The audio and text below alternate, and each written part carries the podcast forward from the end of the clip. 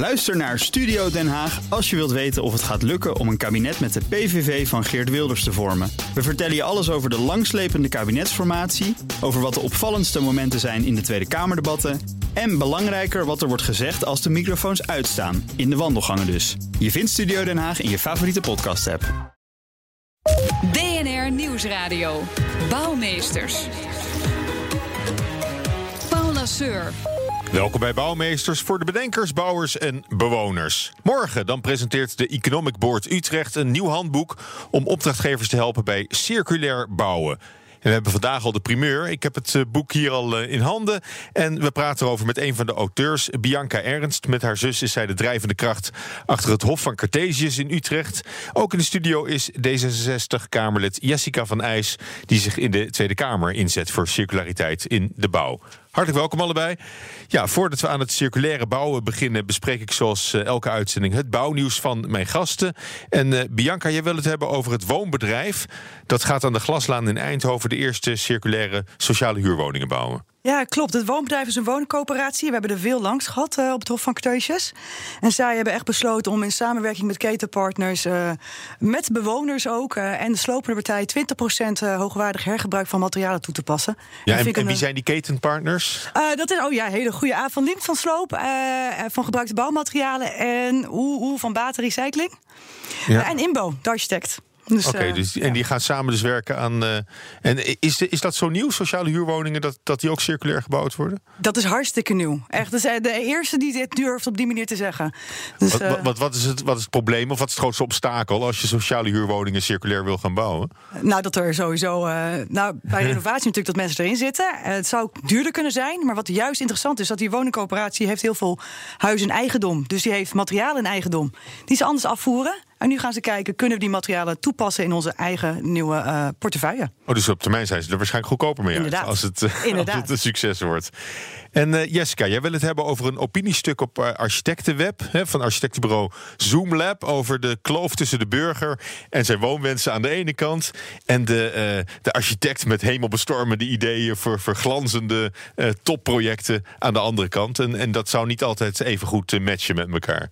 Nou, het interessante daaraan vond ik dat er een soort tegenstelling wordt gecreëerd. Ook met uitspraken die er in de politiek zijn gedaan over bouwstijlen. Van alles wat modern is. En dat daar niet bij mensen rekening wordt gehouden en oude bakstenen. Want dat wil iedereen toch? Ja, Thierry Baudet heeft dat gezegd. Hè? Ja. Van, uh, van uh, architecten, architecten, met een hemelbestorming, uh, ingewikkelde creaties. Mijn voormalige beroepsgroep is een van de boosdoeners, zeg maar. Mm maar wat ik wel interessant vond aan het artikel was dat bleek uit het, uit het commentaar wat er ook kwam. Dat het eigenlijk veel interessanter is. Niet zozeer is de ene bouwstijl nou interessant of de andere. Maar veel meer kun je echt ontwerpen met bewoners of met gebruikers samen. Want volgens mij is dat veel interessanter dan die discussie over... moeten er wel of niet baksteentjes tegen de gevel aan. Ja. Dus ik hoop dat, dat, dat, dat die discussie verder gaat. En niet alleen maar gaat over uh, bouwstijlen, maar veel meer over hoe kunnen we gebruikers echt betrekken. Mm -hmm. Want waar sta jij zelf in die discussie? Sta je, voel je jezelf dichter bij de, bij de burger staan, bij de bewoner of bij de, bij de bedenker en de bouwer? Nou ja, ik noem mezelf altijd een beetje een afvallige architect. Want ik ben natuurlijk opgeleid in de moderne traditie, zoals dat heet.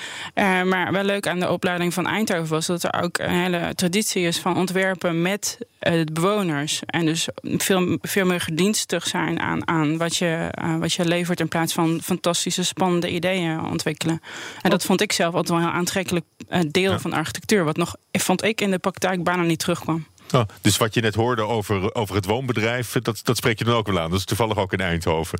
Ja, ja nou, ik vind het heel mooi. Maar ik hoop dat ze het inderdaad ook heel goed met de bewoners samen gaan doen. Om juist te zorgen dat die mensen snappen waar ze mee bezig mm. zijn. Ja, dat, dat lijkt bijna wel een voorwaarde voor, voor, voor circulair bouwen. Dat ook, uh, dat ook de bewoners en de opdrachtgevers zich daar, uh, daar al, al heel erg mee bemoeien. Uh, morgen, Bianca, wordt het handboek Materieel gedreven opdrachtgeverschap. Uh, gepresenteerd aan de Economic Board van Utrecht. Dat heb je samen met je zus en SuperU Studios geschreven. ontwerpen en bouwen vanuit bestaande materialen, daar, daar gaat het dan over. waarom moest daar een handboek over, over komen? Uh, omdat het nog heel weinig gebeurt eigenlijk. Uh, Supju Studios is echt de pionier op dit gebied. En eigenlijk al uh, bijna twintig jaar bezig. Maar wij krijgen bij het Hof van Cartesius ontzettend veel mensen over de vloer... die wel willen, maar die, die stap niet nemen. Ja. Dus vandaar. En nu heb je ook een, een, een boek wat je, wat je kunt uitdelen. Als, als, ja. Als ze daarom om komen. Want de bouwsector, de traditionele bouwsector, heeft bijvoorbeeld nog een enorme footprint. Hè? Een enorme CO2-uitstoot bijvoorbeeld. En, en dat zou je met circulair, meer circulair bouwen ook kunnen terugdringen. Ja, en daar zijn ze ook wel heel erg mee bezig. je ziet echt de ontwikkelingen, het materiaalpaspoorten, product as a service, demontabel bouwen. Het zijn hele goede ontwikkelingen die het systeem veranderen, maar wel pas over 30, 40 jaar echt die milieu-impact hebben en niet nu. Dat is echt, als je nu gaat kijken welke materialen heb ik nu, en kan ik nu toepassen en kan ik nu op ontwerpen. Ja. Dus wat, wat, zijn, wat zijn de speerpunten in het handboek? Um, we geven inzicht eigenlijk in uh, waar materialen vandaan kunnen komen. Want we kijken heel vaak alleen maar naar de sloopprojecten. Maar er zijn heel veel materialen in de regio, materiaalstromen die, eh, die rondgaan eigenlijk. Daar geven we inzicht in. We laten zien uh, in hoe een bouwproces anders gaat. Veel meer ketensamenwerking, veel eerder het proces nadenken over zaken. Met gebruikers, met verschillende rollen mhm. uit het proces. en we geven inzicht in welke materialen uit onze ervaringen en de cases in het eh, handboek uh, naar ons inziens gewoon goed uh, herbruikbaar zijn. Ja, wordt het ook wat kleinschaliger allemaal? Uh, ja, je kan, je kan sowieso nooit een project 100% met alleen maar bestaande materialen gaan bouwen. Dat is echt een combinatie van verschillende materialen en oplossingen die je nodig mm. hebt. En in gigantisch grote uh, bouwopgaves inderdaad wordt het een stuk moeilijker. Ja. Uh, Jessica, jij hebt het ook even bekeken en, en doorgebladerd, dit, uh, dit handboek. goed dat het er is, denk ik, zo'n handboek. zie jij nu ook kans hierin voor de, voor de rest van de circulaire bouwketen... als je dit voor het opdrachtgeverschap hebt bestudeerd? Nou, ik denk dat de titel heel mooi is. Want het gaat inderdaad om de opdrachtgevers. Als die erom vragen, dan komt er iets circulairder uit als het goed is. Maar dat moet je wel anders doen. En ik denk dat het wat dat betreft een heel mooi aanzet kan zijn. En ook ja, een eerste kennismaking misschien voor sommige partijen. Mhm. Wat is dat dan en waar, waar hebben we het dan over? Ja, maar dat, het, staat, het staat nog wel in de kinderschoenen, hè? Ja, het staat verschrikkelijk in de kinderschoenen. Er wordt wel heel veel over gesproken en uh, over geschreven, dat wel. Ja, het is een enorm dus, hot topic, maar, maar in de praktijk gebeurt er nog niet heel veel. Nee, dat klopt. Er gebeurt nog eigenlijk te weinig. En je, je ziet ook, er is denk ik ook echt wel, zijn echt grotere systeemveranderingen nodig om het echt op mm. te gaan schalen. Hè. Dan hebben we het over gewoon uh, natuurlijk uh, de BTW en dergelijke allemaal, waar ja. je op gaat uh, rekenen. Ja. Maar goed, jij, jij hebt met je zus de eerste circulaire proeftuin, als het ware, ja. bedacht. Hè? Dat Hof van Cartesius in Utrecht. hoe, hoe kwam je op dat idee? En dat is mijn zus. Mijn zus is architect en stedenbouwkundige. En wij hadden in eerste instantie, dat is ook een hele interessante, alleen maar de ruimte om daar voor vijf jaar te bouwen. En dan ga je nadenken, hoe ga ik dan bouwen? En kan ik het over vijf jaar weer uit elkaar halen? Inmiddels zitten, er, zitten we er twintig jaar en waarschijnlijk eeuwigdurend. En hebben we ook op die lange termijn gebouwd.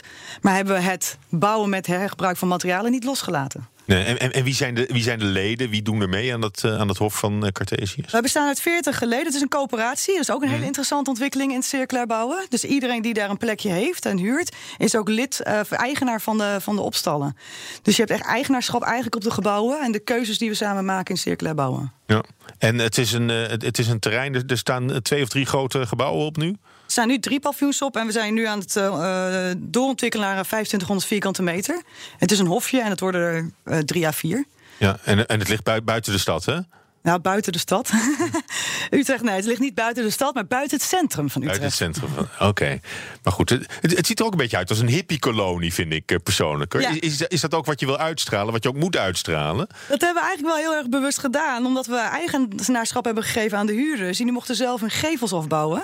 Het enige wat wij hebben gezegd, het moet met hergebruik van materialen. En dan krijg je dus een patchwork van, uh, van materialen eigenlijk. En hmm. dat is eigenlijk wel ook onze kern hè, van materiaalgedreven uh, bouwen en ja. Dat materiaal gaat het uiteindelijk vormen. Ja, maar is dat ook, is dat ook wat je, wat je wil, wil vasthouden op termijn? Misschien ook als je het verder wil ontwikkelen, dat, dat circulaire bouwen. Dan zul je toch ook de mensen moeten gaan bedienen die, die niet willen dat je ook kan zien dat het hergebruikt is. Ja, dat kan ook inderdaad hoor. Wij zijn daar gewoon heel ver in gegaan. Uh, en we hebben ook denk ik materialen gebruikt in de eerste fase, in die proeftuinfase, mm. waarvan we zeggen de volgende fase dat doen we niet meer. Die zitten te veel aan het einde van hun, eh, hun oh ja, levensduur. Hoe, hoe, zag dat eruit? Wat waren dat voor, eh, voor onderdelen? Nou, onze ervaring is wel bijvoorbeeld draaiende deuren of draaiende delen. Ja, die hebben op een gegeven moment een bepaalde levensduur gehad. en dan kan je moeilijker hergebruiken. Uh, maar we merken ook, en dat staat ook in de handleiding, dat er heel veel nieuwe materialen, heel interessant. Mm dus bestaande materialen eh, gestort worden, afgevoerd worden, die, waar prima mee gebouwd kan worden met een prima, mooie, nette chique uitstraling. Oké, maar goed, in dat Hof van Cartesius, daar zijn dus uh, uh, creatieve ondernemers bij ja. elkaar, hè, die, daar, uh, die daar atelier houden, bijvoorbeeld. Jessica, de, de overheid wil in 2050, dat is over, over 30 jaar, volledig circulair zijn. Als je dan kijkt waar we nu staan, hè, in, in de kinderschoenen, waar we het net over hebben. We, we hebben proefprojecten zoals het Hof van Cartesius. Maar verder is het nog absoluut geen gemeengoed. Is, is, dat, is dat haalbaar? Of is dat een stip op de horizon die je, die je sowieso moet hebben om, om ergens uit te komen? Nou, je zegt het zelf al, je moet die stip op de horizon wel zetten. Want anders gaan we er natuurlijk niet naartoe bewegen. Dus ik eh, vind het heel goed dat die stip er staat. En dat geeft ook aan dat we inderdaad 30 jaar is aan de ene kant lang. Kan nog heel veel veranderen. Mhm. Aan de andere kant, ja, moet je nu wel aan de bak. Dus ik vind dat eigenlijk wel een goede uitgangspositie. Maar liggen we, liggen we op schema of is dat nog onmogelijk te zeggen? Omdat we nog zo aan het begin... Volgens mij zitten we aan het begin van de race, als ik het maar even zo mag uitdrukken. Dus of we dan op schema zitten, dat zou ik echt niet durven zeggen. Ik zou wel zeggen van, nou laten we in ieder geval uh, lekker snel van start gaan. Dan zijn we in ieder geval een stuk dichterbij. Ja, nou goed, uit het re regeerakkoord, hè, dus alweer uit 2017, dus, dus ook alweer weer twee jaar oud, staat eigenlijk maar een heel klein stukje nog in over circulaire economie. Over het uh, uh, uitvoeren van die agenda voor circulaire economie en het grondstoffenakkoord. Dat, dat, is, dat is daar een onderdeel van, hè? Ja, dat is eigenlijk zeg maar de grote circulaire economie. Uh, en daar valt heel, eigenlijk alles dus onder. En ook de bouw. Ja, maar de bouw is, is eigenlijk wel een belangrijk uh, onderdeel hè, van die circulaire economie. Ja, ja, als je kijkt naar het, het materiaalgebruik en het energiegebruik... wat daarbij uh, wordt gevraagd... en met de enorme Mhm. mm -hmm. bouwopgave die er ligt... de komende tien jaar moeten we 1 miljoen woningen... en heb het nog niet eens over andere mm -hmm. panden erbij gaan bouwen... Ja. Dan, ja, dan is het wel belangrijk dat we het nu goed doen. Ja, maar goed, heb je die, heb je die, ja, die doelstelling, hè, 2050, volledig volledig circulair. En daar tegenover staat dan een, een regeerakkoord, maar, maar een hele kleine passage. En eigenlijk vooral gericht op verspreiden van, van kennis. Het is, het is een beetje, een beetje zendel, zendelingenwerk wat jullie doen, hè? Evangeliseren. Dat klopt. Ja. Zo wordt, zo wordt het ook gezien uh, door architecten die wij spreken. Die willen wel, maar eigenlijk alleen als een opdrachtgever ernaar vraagt. En dan vraag ik ook wie moet dan zorgen voor uh, die hele transitie. Dan uh, kijken ze vraagtekens, met vraagtekens naar ons. dus, ja. Ja, maar zie je dat niet als een, als een probleem nog? Hè? Dat, dat we nu vooral nog moeten hebben van, uh, ja, van idealisten, van activisten bijna, die, uh, ja. die, die op deze manier de weg moeten bereiden voor een meer circulaire manier van bouwen. Ja, ik denk dat het met elke transitie het geval is. Dus, uh, en hier ook. En ik, wat ik wel zie is dat nou ja, de Economic Board Utrecht de opdracht heeft gegeven, bijvoorbeeld om deze handleiding te schrijven. En je daar ook wel wat cases ziet naar voren ziet komen waar gewoon andere opdrachtgevers er ook mee aan de slag gaan. Dus ik zie die bal wel gaan rollen. Jessica, we hebben je ook uitgenodigd omdat jij in korte tijd met andere Kamerleden samen uh, een tweetal moties hebt, uh, hebt ingediend over, over circulair bouwen. Het is echt helemaal uh, het onderwerp waar je je sterk voor maakt, ook in de Kamer. een ervan gaat over recycling. Hè. Je vindt dat bouw en renovatie met recyclebaar materiaal zou moeten gebeuren. En hebt de regering gevraagd om een onderzoek daarnaar te gaan doen, wat, wat de mogelijkheden zijn. Ja, het is eigenlijk een beetje zoals ik net zei. Naast de grote bouwopgave in Nederland hebben we natuurlijk een hele grote renovatie, verduurzamingsslag te maken.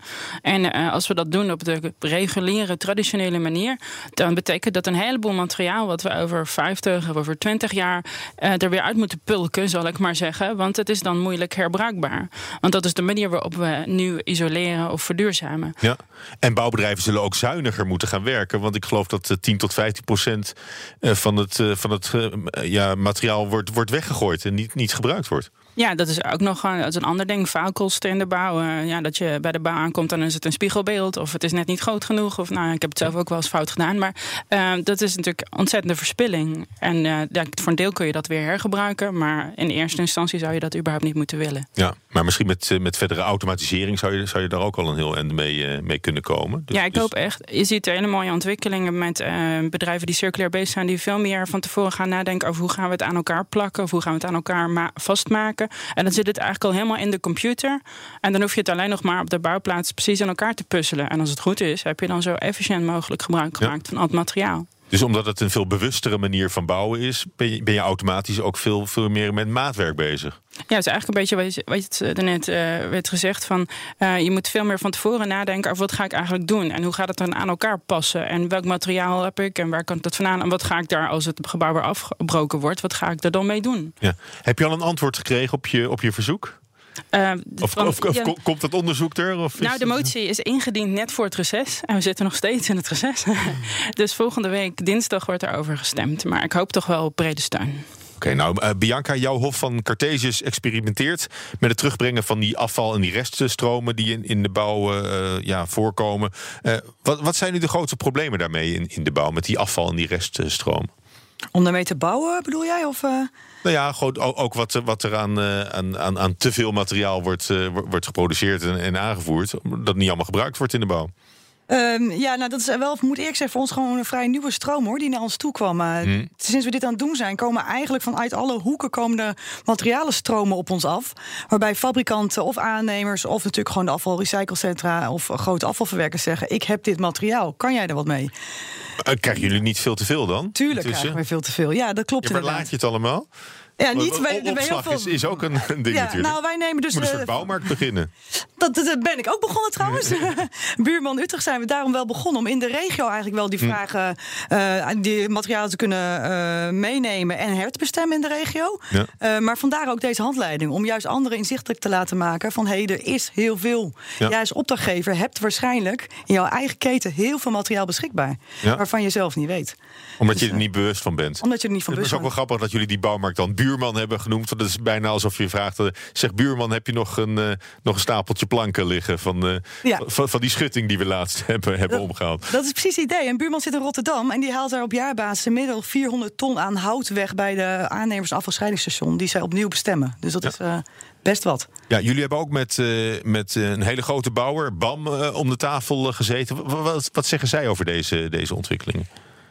niet... Kun, kunnen jullie iets, iets met ze? Ja, nee, wat we merken eigenlijk is, en we hebben niet per se direct met bal om tafel gezeten, maar wel in heel veel seminars en uh, sessies in Utrecht, in, de, in de, de, opstart van het Hof.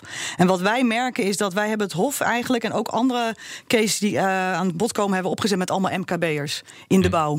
Hebben bij de directeur zeggen: Ik vind het belangrijk en ik ga die stap nemen. Ja. Dus, dus dat zijn, zijn, zijn dat dan toch de idealisten uiteindelijk, die MKB'ers die het op deze manier willen gaan doen? Degene die wij hebben gesproken wel, inderdaad. Ja, uh, ja, ja, klopt. En, dat het, en die, die, ja, die gaan er ook uh, ten volle voor om er iets van te maken. Onze constructeur was dat, IMD bijvoorbeeld. Uh, en bij de grotere partijen, ja. die hebben grotere bouwopgaves, waarin het ook een stuk moeilijker is eigenlijk om daar natuurlijk stappen in te zetten. Ja, ook om genoeg materiaal langs deze weg het bij elkaar te krijgen? Nou, ik denk dat ze het niet eens proberen. Ja. ja, dus het ligt een mooie opdracht, denk ik, voor de komende jaren. Uh, Jessica, je hebt nog een motie ingediend. Hè? Die ging over, uh, en dan gaat het juist over, over kleinere bedrijven en start-ups die circulair willen gaan, uh, willen gaan bouwen. Maar die komen veel obstakels tegen. Ja. En, en, en dat, ze daarin, dat je ze tegemoet zou moeten komen met, nou, met regelgeving. Heel concrete was dat we uh, een, bouwer van circulaire woningen, modulaire woningen uh, spraken. We hebben er meerdere gesproken, er zijn er best wel een aantal. En die liepen er tegenaan van ja, we bestaan nog niet zo lang en we draaien geen enorme omzet. En dan krijg je geen garantieregeling waaraan je kan meedoen. Dus als je als particulier besluit, nou, ik wil, die wel, ik wil die mensen een kans geven, ik wil iets moois gaan bouwen. En de idealisten, die willen dat proberen. En dan moet je een hypotheek, ja, en dan moet je een onderpand hebben. En normaal gesproken zit zo'n garantiefonds daartussen. Die zorgt ervoor mm dat het allemaal goed gaat verlopen en dat het toch gebouwd kan worden. En dat ontbreekt nu nog voor die echte start-ups. Dat is natuurlijk zonde. Dus zij kunnen gewoon nog niet meedoen aan de, aan de bouwgarantregeling of uh, Nee, nog niet. Nee. En ergens is dat misschien wel logisch, maar daardoor frustreren we wel uh, dit hm. soort ontwikkelingen. Je hebt toch ook die pioniers nodig om dat uit te proberen, om daar bekendheid aan te geven. Ja, want uh, Bianca, ben jij aangesloten bij Bouwgarant? Of, nee, nee, maar wij leven natuurlijk ook niet een product op die manier, hm. inderdaad. Maar ik herken dit wel hoor, want er zijn een aantal ook bij ons langsgekomen. Maar kan, kan ik bij jullie bouwen om te laten zien hè, wat we kunnen en, en wij makkelijker zijn in, in, in, in bepaalde zaken dan anderen? Ja.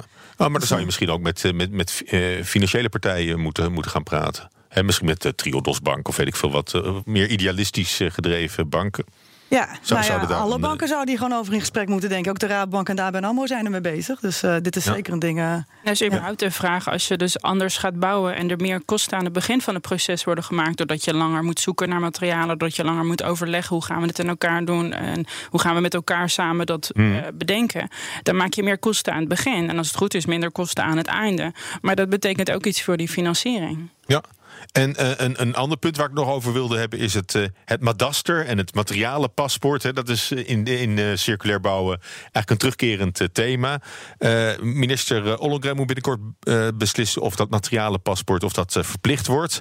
Hè, dat madaster. Het is een beetje het gedachtegoed van Thomas Rauw. Hè. Die, is, die is daar ook een, een belangrijke voorvechter van. Ja. Is, is, is het ook, ook wel iemand waar je, waar, waar- waar je tegen opkijkt? Een beetje, een beetje een goeroe in, Nou, in de Thomas? Thomas is een visionair natuurlijk. En Ja. dat is echt, dat vind ik hartstikke goed wat hij doet. En dat, daar, zit, daar maakt hij voor een hele, eh, maakt hij, is hij bezig met een systeemverandering. Maar ik merk wel dat, ik, dat mensen niet verder kijken dan het materialenpaspoort. Hè? Dus men denkt, oké, ik heb een materialenpaspoort, dus ik ben circulair.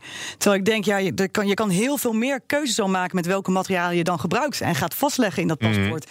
Misschien kan je met minder materiaal gaan bouwen. En hoeft er minder materiaal in dat paspoort. En dat dus Ja. die keuzes, daar moeten ook opdrachtgevers zich wel echt bewust Ja, van maar zijn. Bianca, jij bent natuurlijk heel fanatiek en jij loopt Ja. daar heel erg in, in voorop. Uh, Wanneer denk je dat, eh, eh, het ter afronding hoor, wanneer denk je dat circulair bouwen een beetje mainstream wordt en eigenlijk de standaard?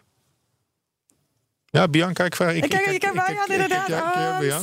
Maar, hè, wanneer, 20 wa- Wanneer worden de voorlopers, worden die koplopers? Hè? Wanneer worden idealisten, realisten? Ik denk eh, wanneer de eerste gebouwen die een materiaalpaspoort eh, hebben weer gesloopt worden. Dus dan zitten we over 20 jaar.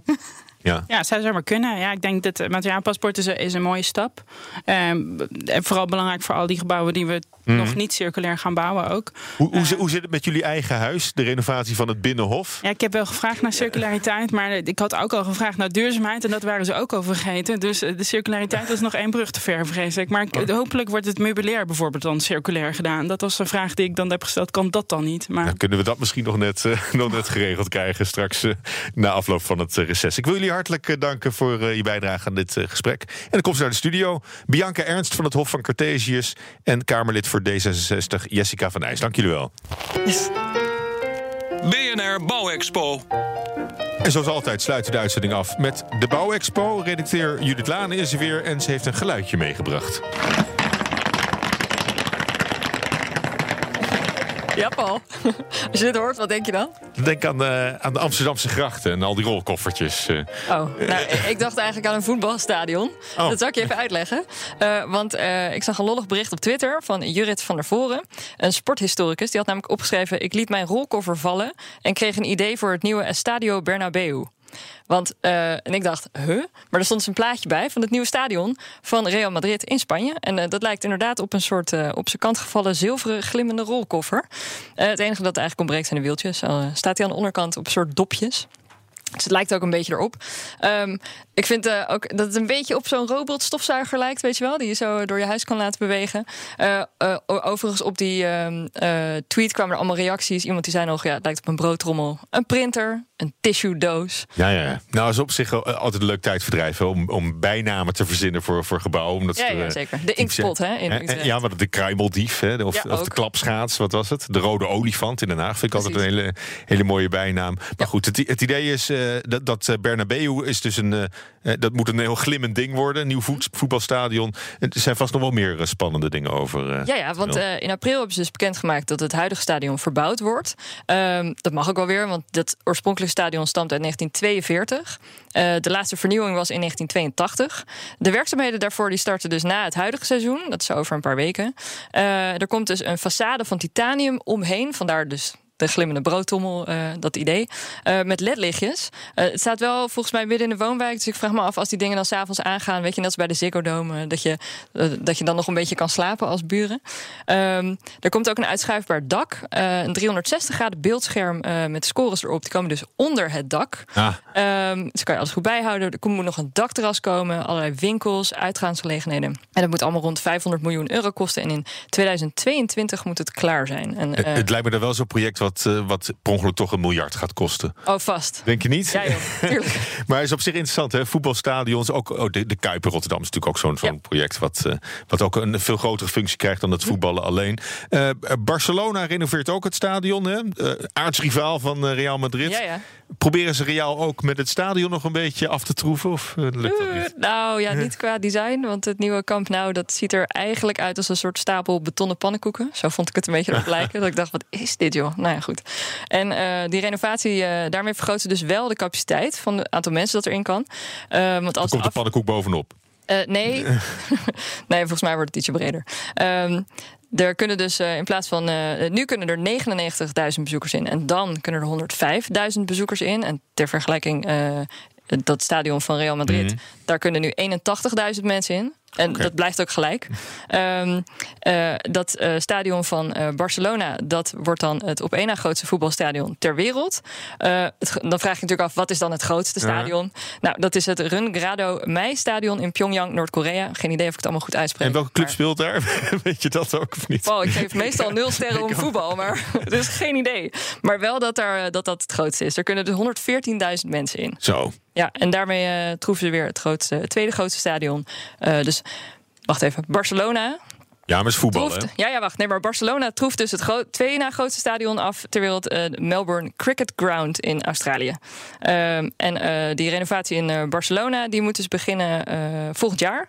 En die moet dus af zijn tussen 2022 2023 en 2024. Ehm, het moet, daar gaan ze ook wat speciale dingen doen, want daar moet dus geïntegreerde 5G-technologie komen. Ehm, het is wel een stuk goedkoper, het moet 360 miljoen euro Oké, nou ja, goed. Eh, Kijken of ze het daarvoor eh, gaan redden. Maar er komen nog eh, veel meer nieuwe voetbalstadions aan. De Oh ja, tijd. ik heb een lijstje gevonden met 50 nieuwe voetbalstadions. Oké, Nou, we, kijken, even op de site. we kijken eruit. Dankjewel, Judith. En heb je nou ook tips voor ons programma? Mail dan naar bouwmeesters.bnr.nl of naar @bnrbouw. Gewoon per Twitter. En binnenkort willen we een maand lang innovaties in de bouw bespreken. Dus stuur ons vooral je ideeën daarover. Tot zover deze aflevering van BNR Bouwmeesters. U kunt terugluisteren via de bekende kanalen, de BNR-app of als podcast via iTunes en Spotify. Tot volgende week. BNR Bouwmeesters wordt mede mogelijk gemaakt door Bouwend Nederland. De bouw maakt het. Ook Thomas van Zeil vind je in de BNR-app. Je kunt live naar mij luisteren in Zaken doen. De BNR-app met breaking news. Het laatste zakelijke nieuws. En je vindt er alle BNR-podcasts. Bijvoorbeeld Het Nieuwe Geld. Download nu de gratis BNR-app en blijf scherp.